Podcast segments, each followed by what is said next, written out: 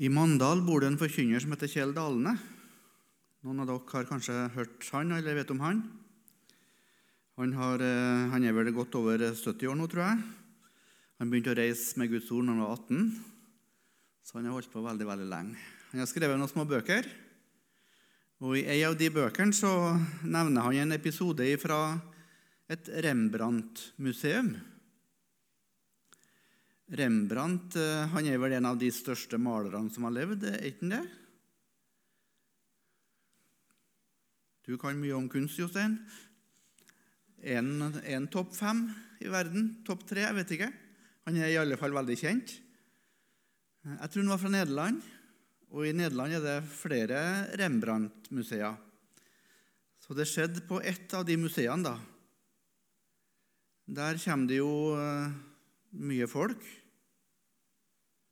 Og Der kom det en dag da, ei turistgruppe. Og Den er jo ikke bestandig like homogen. Det er noen som er veldig interessert i kunst, og så er det noen som blir fort ferdig. Og Sånn var denne gruppa òg. Noen ble veldig fort ferdig. Og noen eh, lengta veldig fort ut. Og denne gruppa som ville ut, da, de var ganske høylytt i sin mening om dette verkene da, av den store mester når de gikk mot utgangen da, i museet. Og eh, det var ganske respektløst, tror jeg, en del av det som ble sagt. Det her var like, liksom ikke så mye å bruke penger på.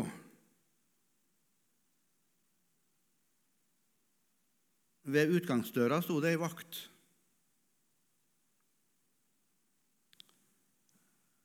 En eldre mann. Og eh, han var visst liten av vekst, tror jeg.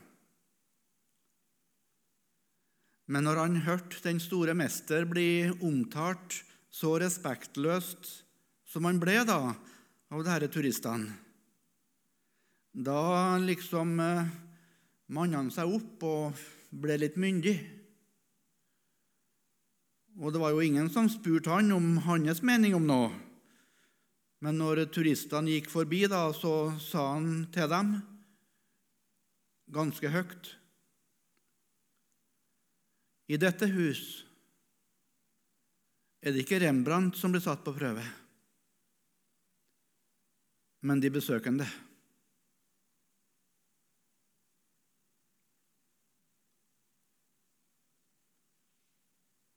I dette hus er det ikke Rembrandt som blir satt på prøve, men de besøkende.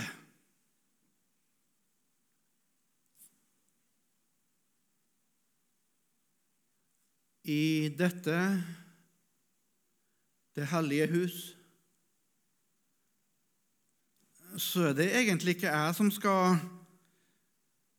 granske og rense og evaluere om det er bra her. Guds ord det er allerede rensa. Salmisten sier at det er rensa sju ganger. Sju er fullkommenhetens tall. Gudsordet er helt rent. Så det er ikke opp til oss og rense ut det vi ikke liker, og det vi vil prøve å fordøye. da. Som om vi skulle spise kokt torsk i dag. Men i dette hus er det den besøkende som blir prøvd. Gud vil tale til meg gjennom sitt ord. I kveld òg. Og Gud vil tale med deg gjennom sitt ord og ved sin ånd. Han har allerede gjort det gjennom det vi har fått. Og nå ber vi om at eh, hans gjerning må fortsette. Ja, Jesus, takk for at du aldri gir oss opp. Så lenge det er nådetid, så lyr kallet. Og så har du samla oss i kveld igjen Det er stor, stor nåde. Du sender ditt ord til Noregs fjell og ljos over landets strømde. Takk for det vi har fått. Velsign oss og i fortsettelsen nå, Jesus. Vi ber om det i ditt navn. Amen.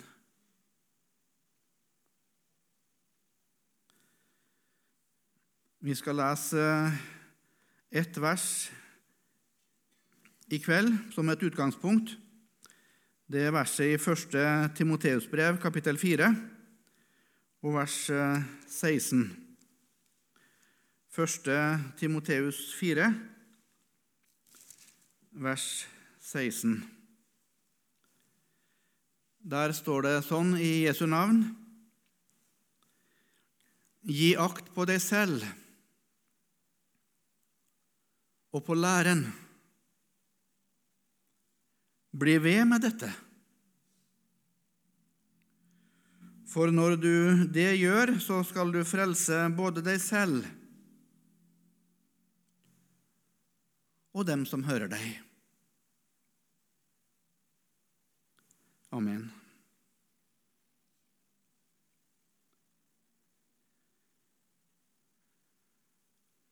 Sånn som jeg leser verset her, så har verset fem ledd. Det er først eh, tre formaninger, og så er det to løfter. Nå skal jeg lese det en gang til. Kanskje jeg skal forandre lite grann for å gjøre det kanskje litt tydeligere. Og så får du se om du kommer til fem. Gi akt på deg selv, og gi akt på læren. Bli ved med det og gi akt på deg selv og på læren. For når du det gjør, skal du frelse både deg selv og dem som hører deg. Kom du til fem? Ja.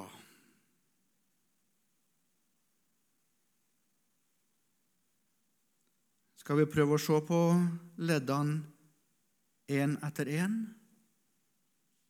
Det første var altså 'gi akt på deg selv'. Kristian, gi akt på deg sjøl. Du må sette inn ditt navn. Gi akt på deg sjøl. Hva betyr det? Ikke det vi ofte har hørt på bedehuset? Og det er ikke ofte det, det vi sier til hverandre, at vi skal ikke se på oss sjøl. Ja, er det ikke mange ganger at det er sjølve evangeliets frihet det, å få se bort ifra seg sjøl? Vi er jo innkrøkt i oss sjøl, vi menneskene, sa Luther. Og det er min erfaring, at jeg er i alle fall det.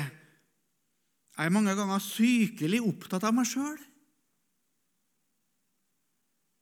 Min egen ære, min egen prestasjon.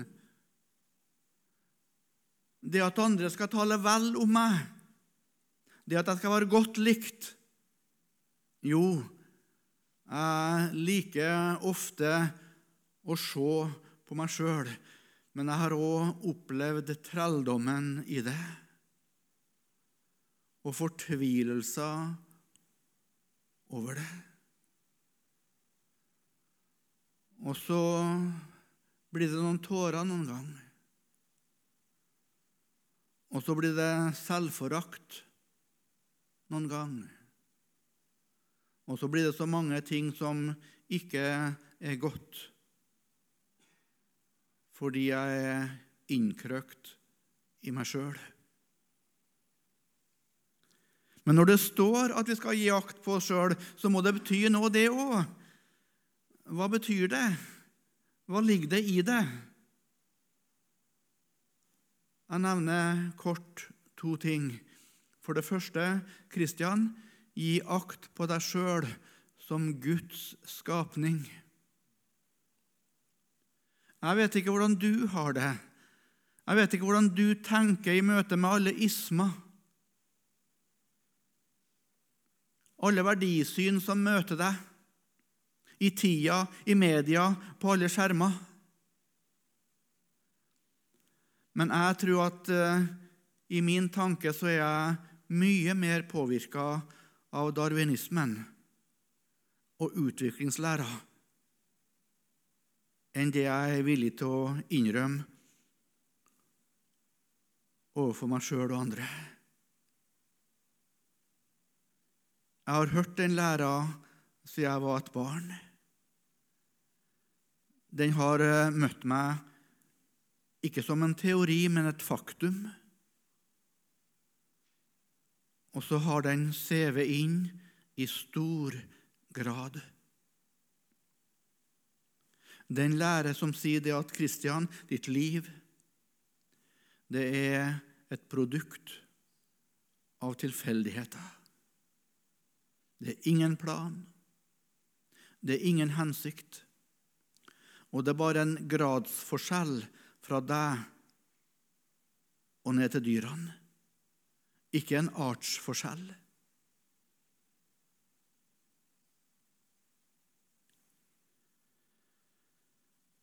Jeg vet at jeg har et desperat behov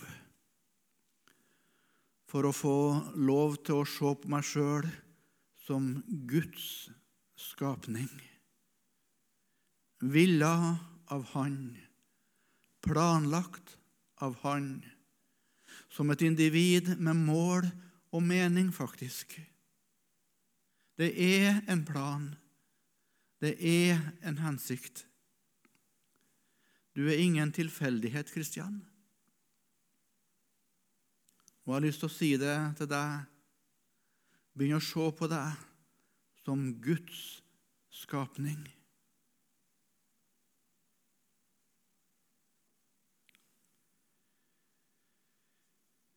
Det er ingen isme. Det er ingen religion.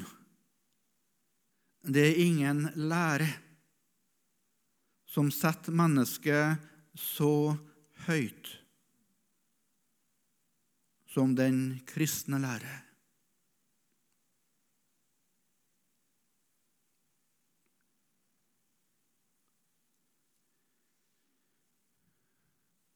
Men vi må si mer. Jeg skal ikke bare se på meg sjøl som Guds skapning men jeg skal se på meg sjøl også som Guds falne skapning.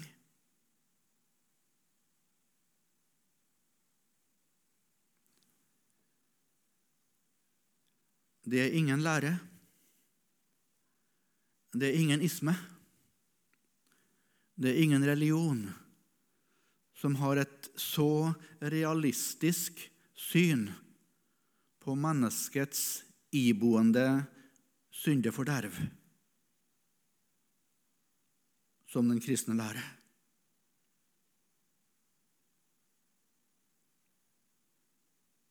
De aller, aller fleste ismer er enige om det at mennesket er godt, men det kan gjøre mye ondt. Den kristne lære har et diametralt motsatt grunnsyn. At mennesket er grunnleggende ondt, til tross for at det kan gjøre mye godt. Dere som er onde, sier Jesus, de vet å gi barna deres gode gaver. Og du, hvor mye godt vi kan gjøre på det medmenneskelige planet. Det er ikke grenser for et menneske kan gjøre. Du kan lese biografiene om Nelson Mandela og moder Teresa og Martin Luther King og lysende, store personligheter. Men eh, grunnhotten, den var ikke god til tross for at de gjorde mye godt.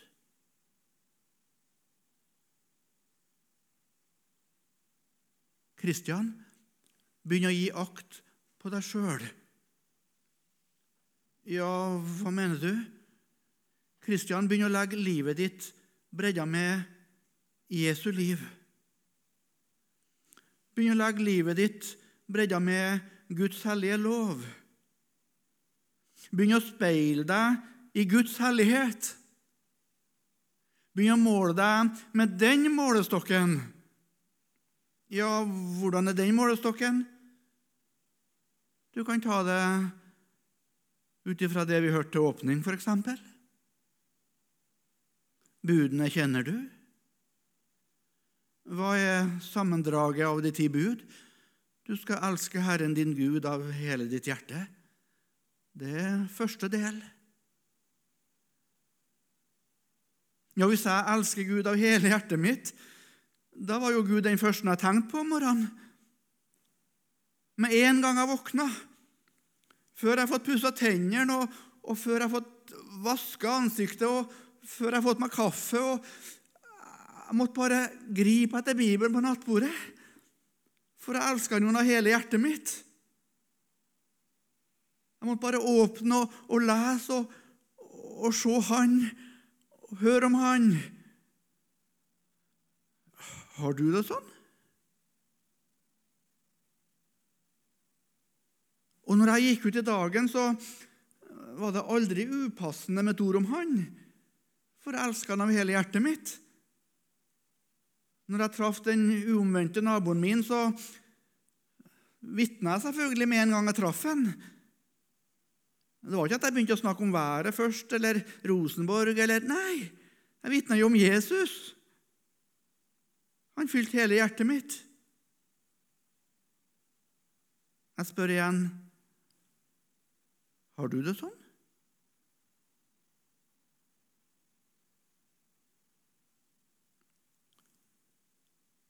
Og det andre sammendraget av Guds ti bud som vi finner i evangeliene. Du skal elske de neste som deg sjøl. Ja, skal vi elske oss sjøl, da? Skal vi det? Ja, rett forstått så er det ikke galt, det. Når du er sulten, så er det ikke galt å ta seg ei brødskive. Når du er tørst, så er det ikke galt å drikke et glass vann. Når du er trøtt, så kan du bekke deg nedpå. Når du er skitete og svett, så kan du ta deg en dusj. Når du fryser, så kan du ta på deg et par tøfler eller sette opp eh, varmen litt. Det er ikke galt å ta vare på seg sjøl. Det har med sunn og god forvaltning av det Herren har gitt deg, det. Sånn sett skal du elske deg sjøl. Men du skal elske nesten din like mye. Det skal være like viktig for deg at din neste er mett og utørst og ren og varm og trygg. Du skal ofre like mye på hans velferd som på di. Det skal være like om å gjøre for deg at han har sine grunnleggende behov tilfredsstilt, som det er at du har dine tilfredsstilt. Jeg må spørre meg igjen, og jeg spør deg er du der? Elsker jeg min neste som meg sjøl? Kristian, gi akt på deg sjøl i møte med loven, i møte med det doble kjærlighetsbud eller de ti enkeltbud. De ti bud er nettopp et genuint uttrykk for Guds vesen og Guds hellighet. Speil deg og se. Gi akt på deg sjøl. Ser du spennet i det kristne menneskesynet. Enormt høyt og enormt realistisk når det kommer til moralsk nivå. Et voldsomt spenn. Gi akt på det selv. Vet du, det er bra at det står mer i verset enn den første formaninga. Og nå går vi til den andre. Gi akt på læren. Det kunne vi sagt mye om i den tid vi opplever nå. Vi opplever en veldig ringeakt for læren. Troslæren. De etiske spørsmålene. Vi lever i ei tid som i liten grad er villig til å gi akt på dem. I Judas' brev, kapittel 3, det er bare ett kapittel i det brevet, der står det at vi skal kjempe for den tro, troslære altså, som en gang for alle er overgitt til de hellige.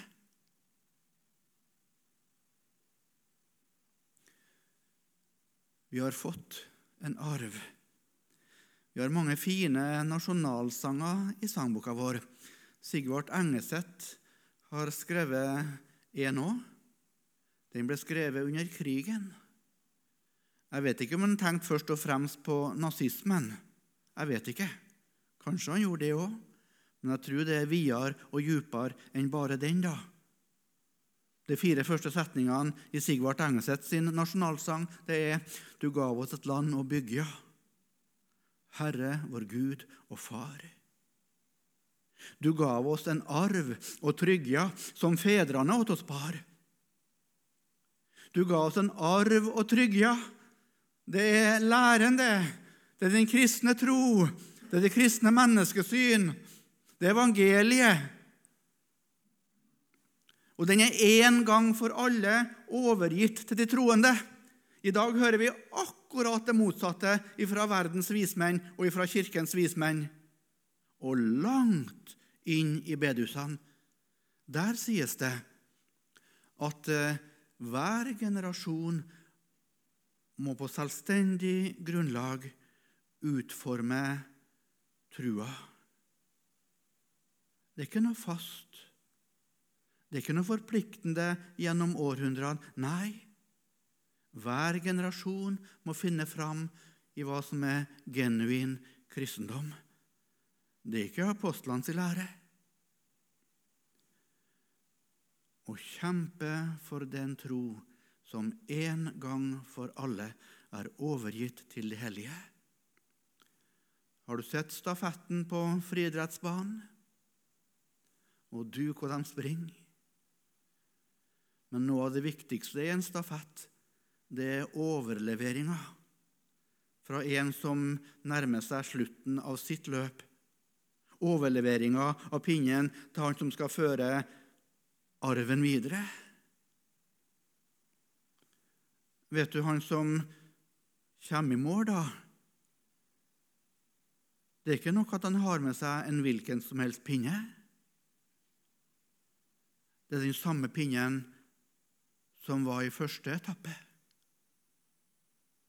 Den samme pinnen skal følge alle løperne eller så er reglene brutt. Du ga oss et land å bygge, Herre vår Gud og Far. Du ga oss en arv å trygge som fedrene åt oss bar. Vi har fått noe. De på Vea, de har fått noe. På Klippen og, og her på Betel, og de har fått en arv. Og vet du hvorfor de har arven i dag? Vet du hvorfor de har den? Jeg vet det. Det er ene og alene fordi det var folk i generasjonen før dere, og to generasjoner før dere som var villige til å kjempe for den tro som en gang for alle er overgitt til de hellige.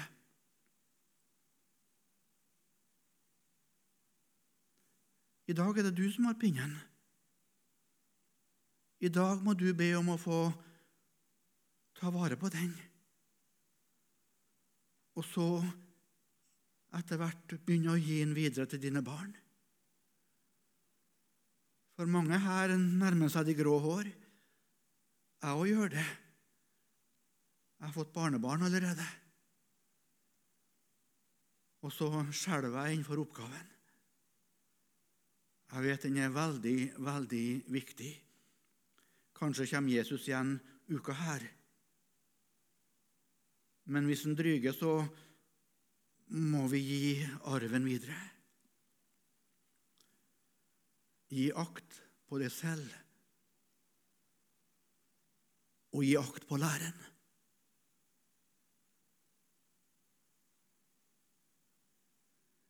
Likevel vil jeg si her at det er en veldig, veldig personlig bit i det òg. Det er troslæren, ja, men du skal gi akt på læren som et budskap gitt til deg og ditt hjerte. Nettopp fordi du har begynt å gi akt på deg sjøl og sett hvem du er, så må du gi akt på det personlige gudsord som taler til ditt hjerte og din samvittighet, om det blod som rann, som var i soning for all verdens synd. Og læren, det har troende til alle tider egentlig sagt at uh, i kort form læren i et nøtteskall, det kristne budskap komprimert i ett vers, det finner vi i Johannes 3, 16. For slik Ikke så høyt, det er ikke det som står. Det står det om andre plasser, hvor høy kjærligheten var, og hvor djup og hvor vid. Men eh, i Johannes 3, 16 så er det måten Gud elsker på, som understreker. For slik elska Gud verden, at han ga sin sønn, den enbårne, for at hver den som tror på ham, ikke skal gå fortapt, men ha evig liv. Det må du gi akt på. Det er det eneste budskap som kan gi deg trøst når Den hellige ånd har fått pusta på ordet og dogga på ordet, så du har fått se Guds hellighet og din egen fortapte stilling. Gi akt på deg sjøl. Ja, du må gjøre det. Men apostelen sier noe mer. Gi akt på læren. Klyng deg til den.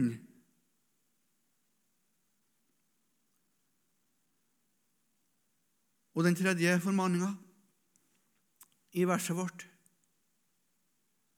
Bli ved med dette bli ved. Altså, det er noe vedvarende i dette her, i å stadig se seg sjøl. Og så få se på læren og hva budskapet sier om Jesus Kristus. Hva Gud gjorde gjennom sin sønn for å gjøre synderen salig. De to tingene der, det må du bli ved med å gjøre igjen og igjen.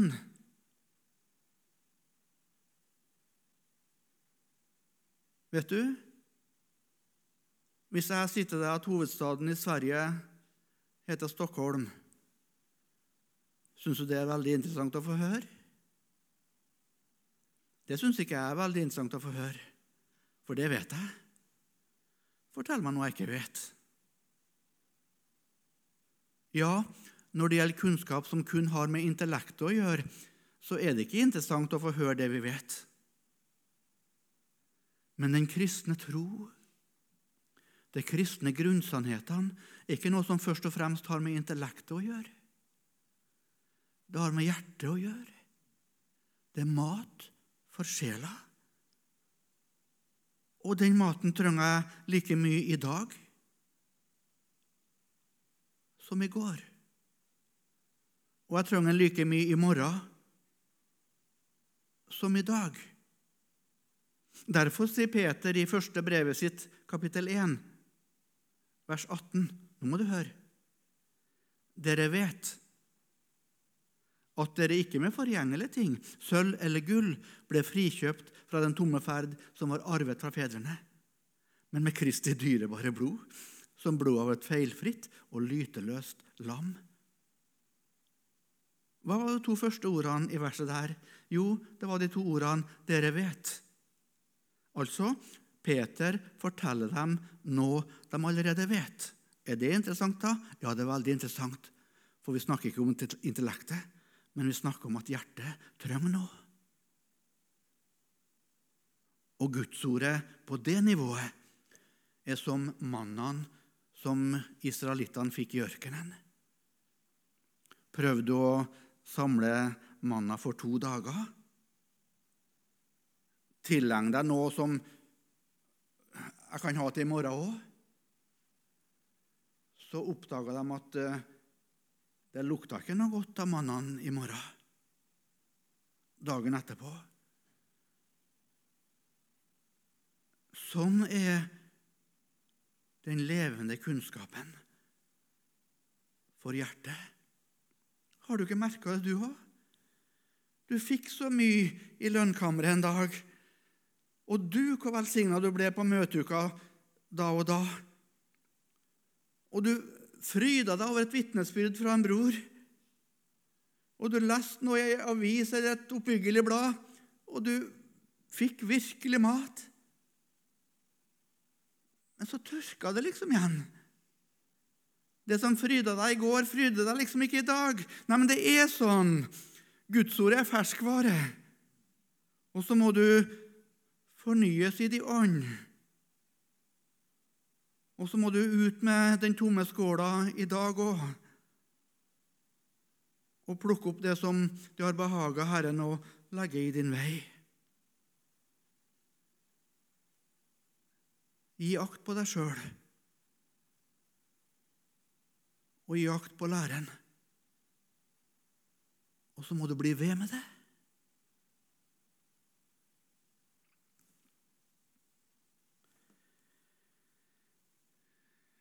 Kolosserne 2. Det verset tror jeg Jonathan har på lista si. Kolosserne 2, vers 6. Nå har ikke jeg sjekka opp på skjermen jeg. om vi har samme bibeloversettelse. Det er fint noen ganger å ha to forskjellige. Det kan gi forskjellig innfallsvinkel, men nå leser jeg det som det står i min bibel, da, uansett hva som kommer opp på skjermen. Kolosserne 2,6.: Liksom dere altså tok imot Kristus Jesus som Herre, slik vandre i ham. Jeg hører noen toner noen gang i forkynnelse, både muntlig og skriftlig, at eh, ja, det er greit, det med evangeliet. Det er jo de grunnleggende på en måte, sannhetene. Men når det gjelder vandringa og voksten og helliggjørelsen, så er det liksom et annet budskap som, skal, som fenger da, og som er veldig viktig å, å, å få, også få med seg. Evangeliet er viktigst, ja, det er alle enige om. Men eh, vi må jo videre. Og så gis det noen gang inntrykk av at det er andre ting da som skal være sentrum i vandringen og voksteren. Jeg tror det kan være litt farlige toner. Jeg tror nettopp voksteren og helliggjørelsen, det er å stadig komme tilbake til utgangspunktet og få se på nytt igjen. Det som du ble så inderlig glad for da du kom første gangen. At det blir levende for hjertet igjen og igjen. Liksom dere altså tok imot Kristus Jesus som Herre, så slik skal også vandringen være. Du tok jo imot den når hjertet fikk opplyste øyne. Så du så at det Jesus gjorde, det var, det var jo for meg. Det var for akkurat meg. Og så falt hjertet til ro. Og så ligger fornyelsen også der. Og for så det enda klarere. Det samme gode, gamle, grunnleggende budskap. Liksom dere altså tok imot Kristus, Jesus, som Herre. Slik vandre i ham. Det står et ord i Ordspråkene 4, vers 18. Det sier egentlig det samme. Ordspråkene 4, vers 18. De rettferdiges sti de rettferdiges sti, det er jo veien, det er jo stien der de frelste går, er det ikke det, da? Det er den kristne vandring. De rettferdiges sti, hva med den? Er som et strålende lys som blir klarere og klarere inntil Ser du voksteren? Ser du helliggjørelsen? Inntil det er høylys dag. Vet du, det er mange ting du kan være mye av og litt av. Du kan være mye glad og litt glad. Men det er noen ting du ikke kan være mye og lite av. Enten er du det, eller så er du det ikke. Du kan ikke være litt gravid. Enten er du det, eller så er du det ikke. Sånn er det med frelsen. Du kan ikke være litt frelst. Jo, vi har fått språklig forurensning av så mange ord. Vi snakker i dag om å være bilfrelst, frimerkefrelst, rockefrelst. Da har vi ødelagt ordet. Frelst, et kristent ord. Det er enten-eller. Frelsen er enten 0% eller 100% Men helliggjørelsen, voksteren, den er nettopp det gradvise, det organiske, det som blir mer og mer, mer og mer lik Han. Ikke at du får mer av Den hellige ånd, men at Den hellige ånd får mer av deg. At du gir han flere og flere av nøklene til ditt liv, så han får herske over stadig nye rom og gjøre nye erobringer i deg. Det er voksteren, og det er helliggjørelsen. Det er den vi leser om her, de, rettferdige, de rettferdiges sti. er som et strålende lys som blir klarere Ser du, voksteren? Klarere og klarere. Inntil det er høylysdag. Når er det? Det er på andre sida. Det er når sløret blir tatt bort. Da skal vi se han sånn som han er. Og da skal vi kjenne han fullt ut og være fullt ut kjent. Da er helliggjørelsens mål nådd. Da er vi helt lik Kristus. Da blir alt veldig klart for oss. Men her på jord så har du det herre klarere og klarere. Gi akt på deg selv og på læreren. Bli ved med det. Aldri ferdig med det. Johannes, apostelen Johannes, han kaller det å vandre i lyset. Nå siger mørket inn over Karmøya. Kanskje det er noen som skal på lokalet her i løpet av helga. Kanskje det er noen som går ustøtt tilbake til heimen sin i kveld eller i morgen kveld.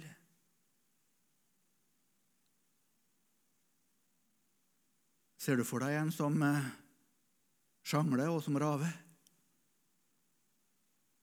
Og så bæres du i grøfta. Og så ligger han der på alle fire, men det er mørkt. Han ser ikke så mye. Han stabler seg opp, stabler seg på føttene, men han aner at han er skittet. Og så kommer han inn under lyset fra nærmeste lyktestolpe.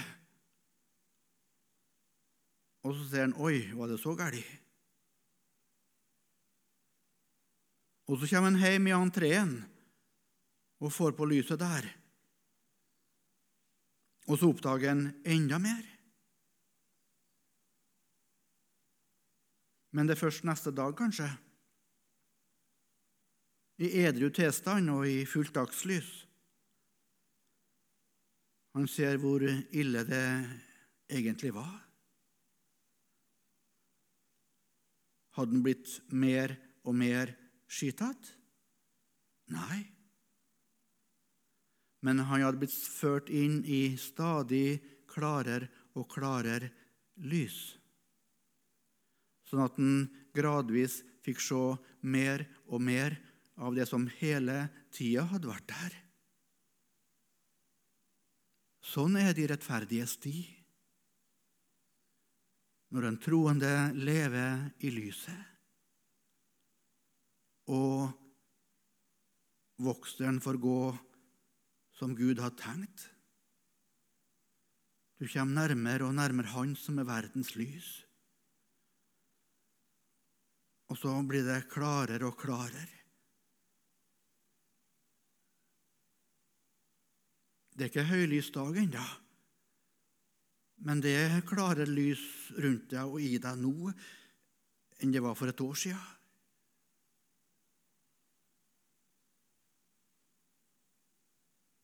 Gi akt på deg selv og på læren. Bli ved med det.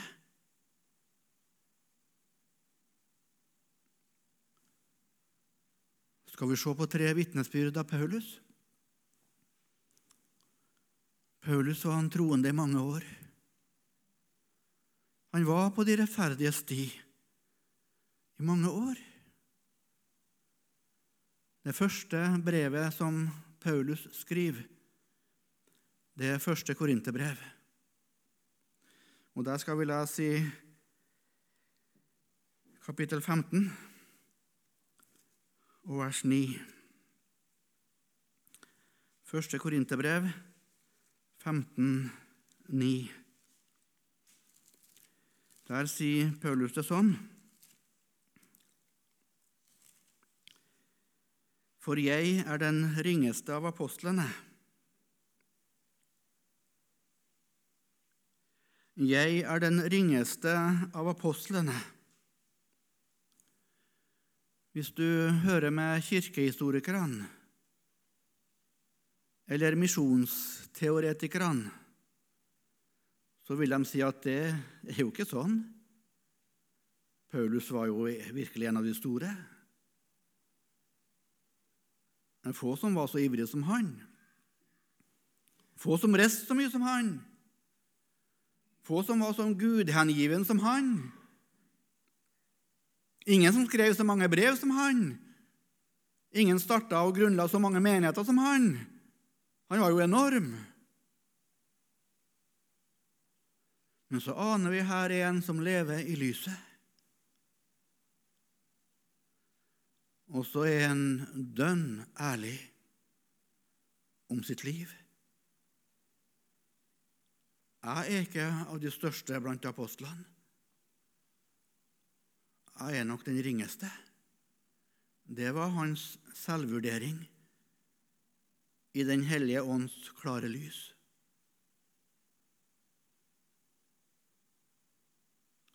Og så går det noen år. Paulus skriver Efeserbrevet. Og Der sier han det sånn i kapittel 3 og vers 8. Efeserne 3, vers 8. Til meg, den minste av alle de hellige. Ser du at Paulus har flytta ned en etasje? Han vil ikke sammenligne seg med apostlene lenger. Nå er han blant den vanlige kristne mann og kvinne. Han vil ikke sammenligne seg med lederskapet. Også på dette nivået han er nå, så vurderer han seg til å være i det laveste sjiktet. Hadde han blitt mer syndig siden han skrev første Korinterbrev? Nei, men lyset hadde blitt uh, ubarmhjertig klart omkring Paulus. Han så ting nå som han ikke så for ti år siden.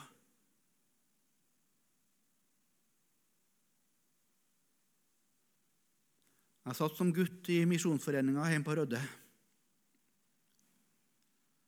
Og så var det vitnemøte. Det var ofte det. Og så hørte jeg de gamle vitna. Jeg husker på Marie og Bernt og Arne og Hilda. Jo, de snakka mye om Jesus. Men de skalv i stemmen når de snakka om sin synd.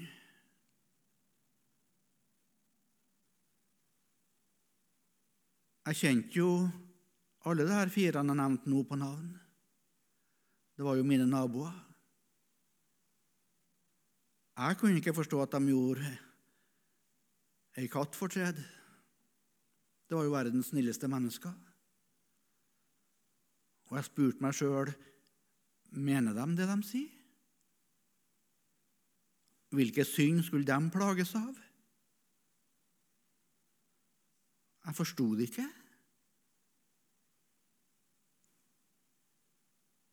Jeg forstår litt mer i dag.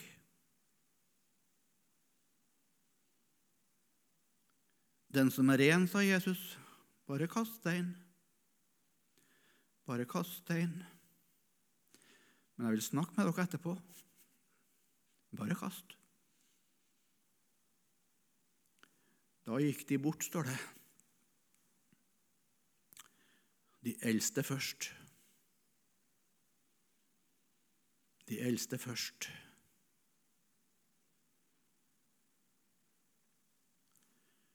Nå skal vi lese Paulus sitt vitnesbyrd helt mot slutten av hans liv. De to siste brevene han skrev, det var de to brevene til Timoteus. Og I det første brevet til Timoteus så sier han det sånn i kapittel 1 og vers 15.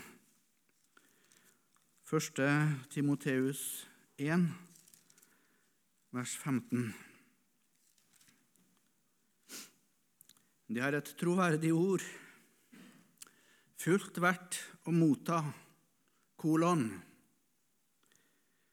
Kristus Jesus kom til verden for å frelse syndere, og blant dem er jeg den største. Hykler Paulus?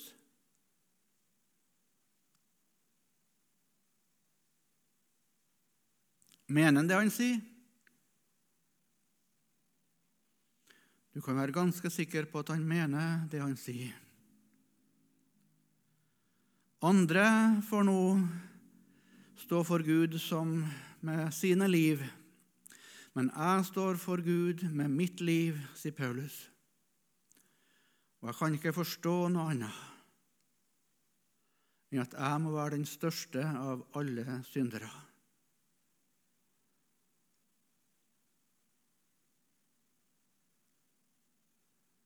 Men så sier Paulus noe annet her òg.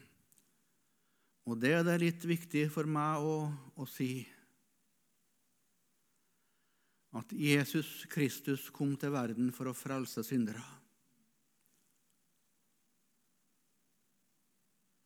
Og jeg har lyst til å rope det ut til deg. Det er ikke noe mål for Den hellige ånd å vise deg de synd. Ikke noe mål. Men det er et middel. Målet for Den hellige ånd er at du skal få en stor, stor og veldig, veldig umistelig Jesus. Jeshua, Herren frelser, og Herrens frelse betyr det navnet. Det er målet for Den hellige ånd. Men hvis Den hellige ånd ikke får vise deg så mye av de synd at du springer til Jesus som den eneste legen som kan berge deg, ja, da får han ikke sin vei og sin vilje med deg. For Jesus Kristus han kom for å lete etter det som var fortapt, og frelse deg. Og det er en grunnlov i den åndelige verden. Den som er frisk, han går ikke til legen. Hva skal han der å gjøre? Jo da, jeg kan ta med Jesus som mentor. Det er så trygt å be til han og, og, og bli ledet av han. Og, men Jesus som frelser? Nei. Hvorfor? Ja, ja, vi har våre svakheter alle sammen, men, men ikke noe redningsbøye og noe helt uunnværlig frelse. Det er bare Den hellige ånd som kan overbevise om synd. Jeg kan ikke det. Jeg kan ikke det. Ikke ditt hjerte, ikke mitt hjerte. Men Den hellige ånd, han som har som et store mål å herliggjøre Kristus for hjertet ditt, han vil også vise deg de synd. Så den blir de. Gi akt på deg sjøl og gi akt på læren. Bli ved med det. Jesus sa meg sannhetsordet først om meg, og så om seg. Og så gikk Paulus frimodig i døden. Hans selvvitnesbyrd er den største av alle syndere, men Jesus var blitt så uendelig kjær for ham, og helt, helt umistelig. Og så fortsetter han i ordet vårt da, i 1. Timoteus 4, 16, til den samme Timoteus. Gi akt på deg selv og på læreren. Bli ved med det. Da skal du frelse deg sjøl. Du skal bli frelst. Du skal nå fram da, når du lever her, i stadig å få se deg sjøl og få stadig få åpenbart hvem han er, og hva han har gjort til din frelse. Du skal bli frelst. Her er veien. Jesus er veien. Og nå har Den hellige ånd fått sin vei og vilje med deg, med å knytte deg veldig, veldig fast til Han som er veien. Du skal frelse både deg sjøl Og så er det et veldig løfte, er siste delen av verset. Du skal frelse dem som hører på deg. Ja, hva menes med det? Du sier kanskje jeg, jeg vitner jo så sjelden. Jeg synger jo ikke. Det er jo så få som hører meg. Høre deg her, det betyr ikke bare ordene dine. Det betyr livet ditt. For når du lever med Jesus i ei sann, levende tro i din hverdag, da er det et veldig budskap som høres og sees i ditt liv. Ordene dine og sangen din og vitnesbyrdet ditt er én ting. Det er viktig. Men livet, det taler om Herren. Og så er du et vitnesbyrd der du går fram. Ja, de som hører deg, alle, altså? Er det det som menes? Det er jo det som står. Du kan frelse både deg selv og dem som hører deg. Ja, det står det. Jeg reiser som forkynner. I løpet av ei uke så blir det jo ganske mange. I løpet av et år så blir det jo mange hundre. I løpet av 20 år, 30 år og 40 år så blir det nok mange tusen. Blir alle dem frelst? Er det det som står? Jeg tror ikke alle blir frelst. For det er mange som hører og hører uten å høre. De ser og ser, men de skjelner ikke. Men noe falt i god jord. Ikke alt, men noe falt. Det skal bli frukt av ditt liv når du lever i samfunnet med Jesus. Det er sånn med den levende greina. Les når du kommer hjem. Vi skal ikke slå opp nå, men les i Johannes 15 om greina som er poda inn, og som renses for at den skal bære mer frukt og bære mye frukt. Når vingårdsmannen får stelle med greina, da blir det frukt. Han tar ansvar for det. Det du skal passe på, og det du skal be om, det er at sevjestrømmen får flyte. At du blir værende der du en gang ble planta inn. Gi akt på deg sjøl og på læren. Bli ved med det. Liksom du tok imot, altså. Slik vandre. Stå der du en gang var poda inn, og suge næring der. Så det er Gud som gir vekst, og det er Gud som har kontrollen på høsten. I første Mosebok, kapittel 12, der leser vi om Moses. Og det står der 'Jeg vil velsigne deg'. Og på slutten av verset 'Og du skal bli en velsignelse'. En fin sammenheng. Jeg vil velsigne deg. Velsignelsen her det omfatter også frelsen. Abraham fikk ta imot løftet om at det skulle bli født en i hans ett som skulle bringe velsignelse til alle folkeslag. Og han trodde budskapet om den kommende Messias. Jeg vil velsigne deg, og du skal bli en velsignelse. Du skal frelse deg selv og dem som hører deg. Og siste ordet i kveld, det er fra Johannes 4, vers 14. Der snakker Jesus med kvinnen ved brønn. Hun ble frelst her, den kvinnen. Hun ble redskap til en stor vekkelse i sin landsby. Og så beskriver Jesus det at hun ble frelst, og så skulle få bli til frelse blant dem som hun fikk leve med. Men den som drikker av det vann jeg vil gi ham, skal aldri i evighet tørste. Og så må du høre. Men det vann jeg vil gi ham,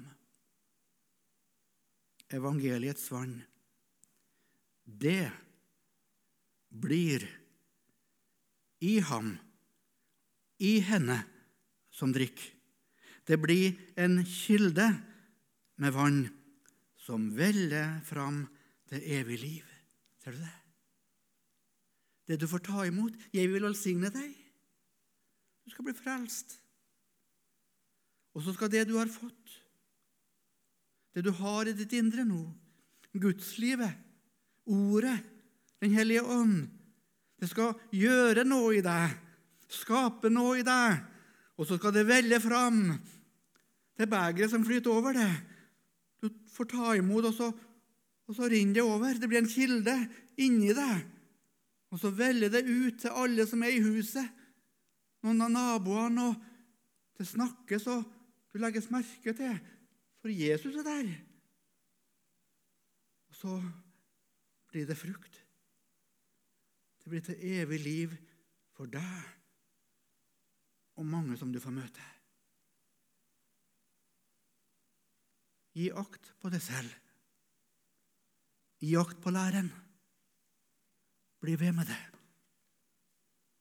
For når du det gjør, skal du frelse både deg selv og dem som hører deg. Må Gud velsigne deg og bevare deg. Skal vi be.